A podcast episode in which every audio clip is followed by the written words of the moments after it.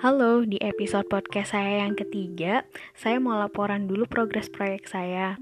Sampai sekarang, tulisan saya sudah lima halaman, ditambah dua halaman kerangka yang belum rampung. Jadi, jumlahnya ada tujuh halaman, tapi dua halaman belum fix. Uh, tulisannya apakah akan dirubah atau kayak gimana. Jadi nanti kita lihat. sebenarnya untuk cerita di episode ini saya udah banyak tulis. Uh, karena apa ya cerita di episode ini tuh udah uh, lama banget kejadiannya. Dan waktu itu saya sudah mulai menulis uh, tentang kejadian-kejadian saya. Makanya ya udah ada rekapnya gitu. Tapi sayang tulisan-tulisan saya ini yang dulu tertinggal di kamar kos belum gak bisa saya ambil belum bisa saya ambil ya karena kondisinya lagi kayak gini. Jadi saya nggak bisa menyuarakan tulisan-tulisan saya di episode ini. Tapi saya akan tetap bercerita dan ad, dan bakal menulis judul baru buat cerita ini gitu.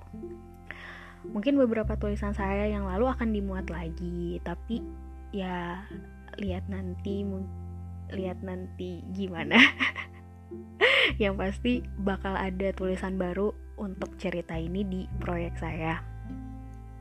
Nah, jadi ini cerita masa SMA saya.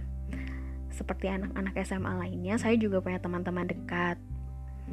Awal dekatnya mungkin karena duduk kita satu barisan, sering ngobrol, terus akhirnya nyambung, terus kayaknya punya kebiasaan yang sama. Uh, gak banyak sih maksudnya. Kebiasaan-kebiasaan kita mungkin beda sifat kita juga mungkin beda tapi ada satu kebiasaan yang nyatuin kita. Dan kayaknya kita akrab karena sebelumnya e, beberapa dari kita pernah satu kelas bareng. Sebelum akhirnya kita disatuin bertujuh. Kayak gitu. Kebiasaan kita yang apa ya yang paling bareng-bareng gitu yang paling sama itu tuh bawa payung. Jadi karena waktu itu seingat saya musim hujan ya pasti kebanyakan atau rata-rata uh, orang bawa payung lah ya atau bawa jas hujan atau gak peduli ya udah nanti minjem aja atau kayak gimana. Tapi kita bertuju itu pada musim hujan selalu bawa payung. Gak tahu kenapa.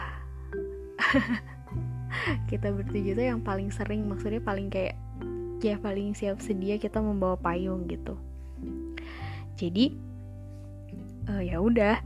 Karena kita bareng-bareng dan hobi bawa payung kita namain uh, apa ya namain kelompok kita yang membawa payung ini dengan geng payung. Terus biar agak keren gitu kita namainnya pakai bahasa Inggris. Umbrella. Tapi kita sering disebut sama teman-teman sekelas kita tuh namanya ambre geng ambre gitu.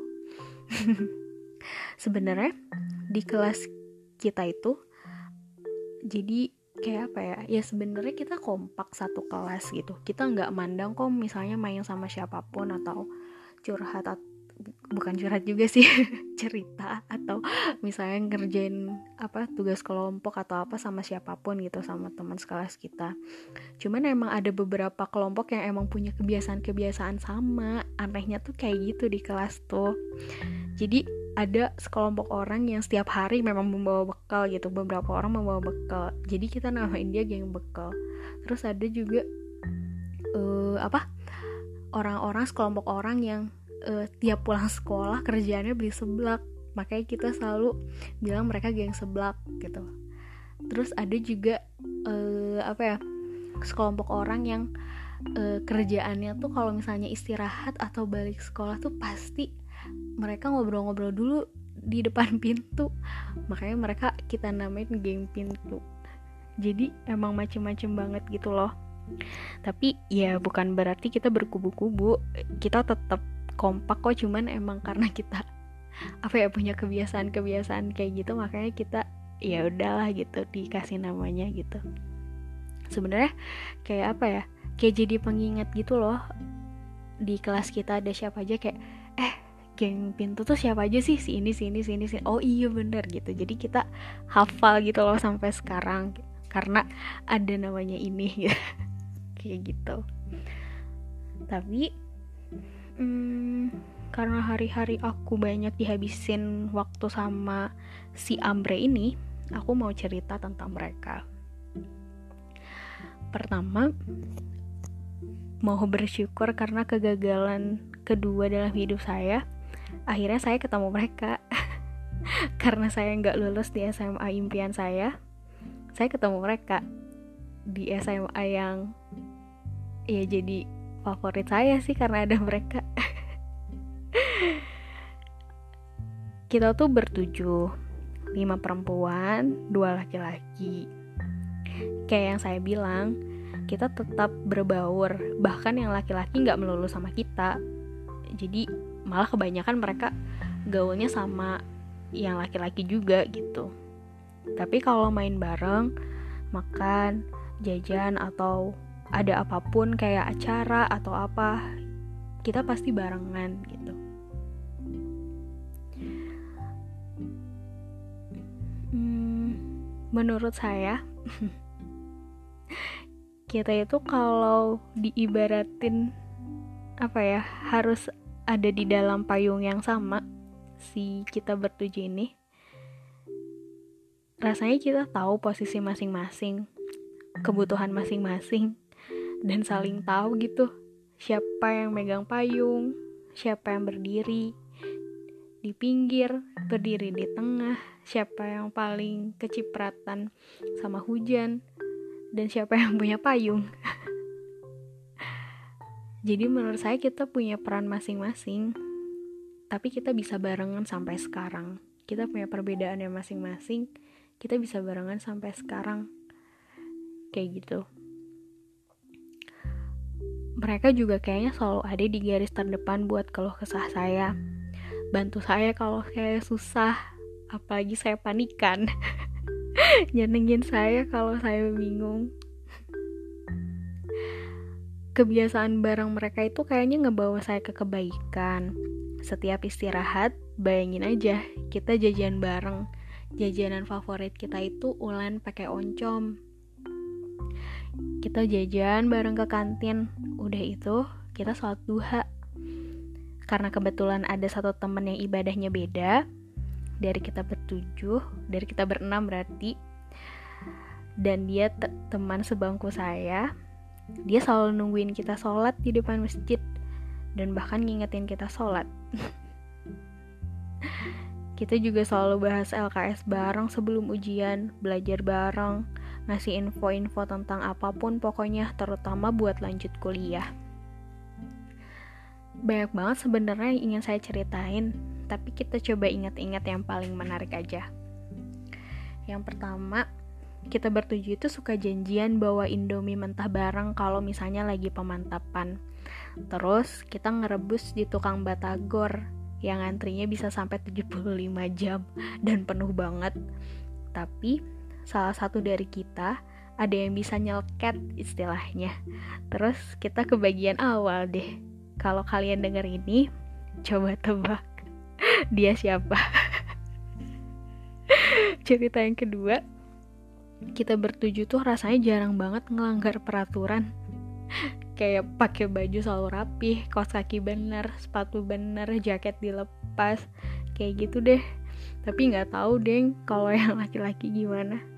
Tapi saya pernah kelaparan di tengah pemantapan. Akhirnya saya keluar sama teman sebangku saya beli batagor. kayak itu satu-satunya pelanggaran yang kita lakuin deh yang ketiga kita berlima tuh yang perempuan pernah bersiteru kebingungan terus debat gara-gara teman laki-laki kita suka sama perempuan yang sama terus akhirnya dan untungnya kita masih bareng-bareng sampai sekarang terus kita juga tahu rumah yang sering kita tumpangin buat main, buat foto-foto, pasti kebanyakan di rumah dia juga. Terus di rumahnya suka disuguhin keripik-keripik, enak banget. Dan satu lagi, ada teman kita yang di antara bertujuh tuh paling muda. Terus suka telat kalau nangkep lelucon. Lucu banget dan lugu banget kayak gitu aduh sebenarnya banyak banget kalau diceritain semuanya. Jadinya bingung. Di balik itu semua kita juga pernah atau malah sering berantem. Ngambek gak mau ngalah saling ngomongin berprasangka. Tapi akhirnya yang ditakdirkan baik untuk kita gak akan pergi gitu aja. Makanya kita bisa bareng sampai sekarang sekarang um, aku rasa kita udah dapat jalan masing-masing. Bahkan kita udah punya dua keponakan lucu. Ganteng lagi. Hubungan kita baik sangat baik. Walau jarang ketemu aku bersyukur semua yang kita lalui punya titik yang baik. Semoga di puncaknya kita bisa nuai bahagia bareng-bareng. Semoga selalu ada di jalur yang benar selalu kasih kabar. Kalau kata teman sebangku saya sih gini, selalu kasih kabar, kabar apa pun, walau nggak baik, tetap harus dibagi.